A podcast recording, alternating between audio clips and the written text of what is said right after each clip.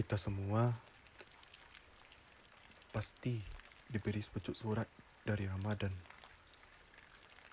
Karena dia akan meninggalkan kita dan pergi jauh, sejauh-jauhnya. Dan bila kita baca isi suratnya,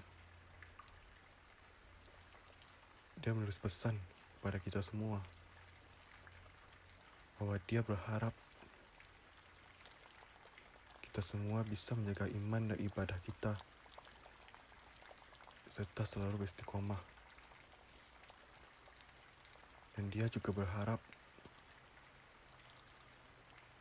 untuk tetap berlomba-lomba terhadap kebaikan.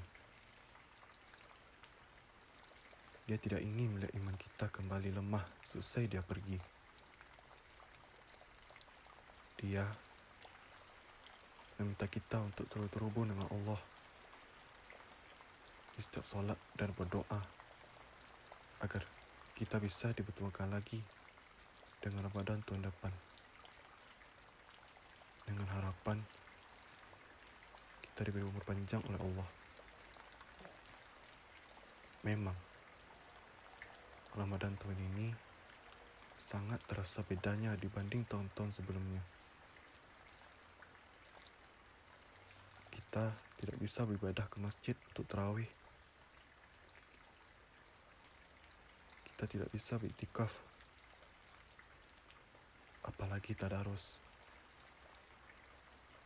Namun, itu tidaklah mengapa. Sebab, ibadah yang kita kerjakan di rumah selama satu bulan ini sudah dinilai pahalanya oleh Allah. Sekarang dia akan pamit untuk pergi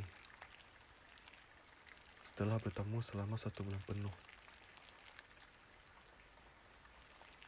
Hanya ada tangis dan rasa ketidakrelaan yang terasa di dalam diri kita di saat kita memeluknya.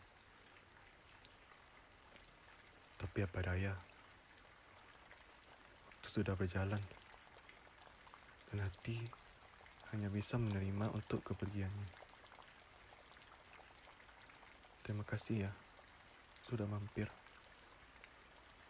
Semoga tahun depan kita berjumpa lagi dengan penuh sukacita dan penuh dengan kerinduan. Dan semoga amal ibadah di bulan Ramadan tahun ini diterima oleh Allah Subhanahu wa taala. Amin. Ya Rabbal Alamin. Sampai jumpa Ramadan. Selamat datang Syawal.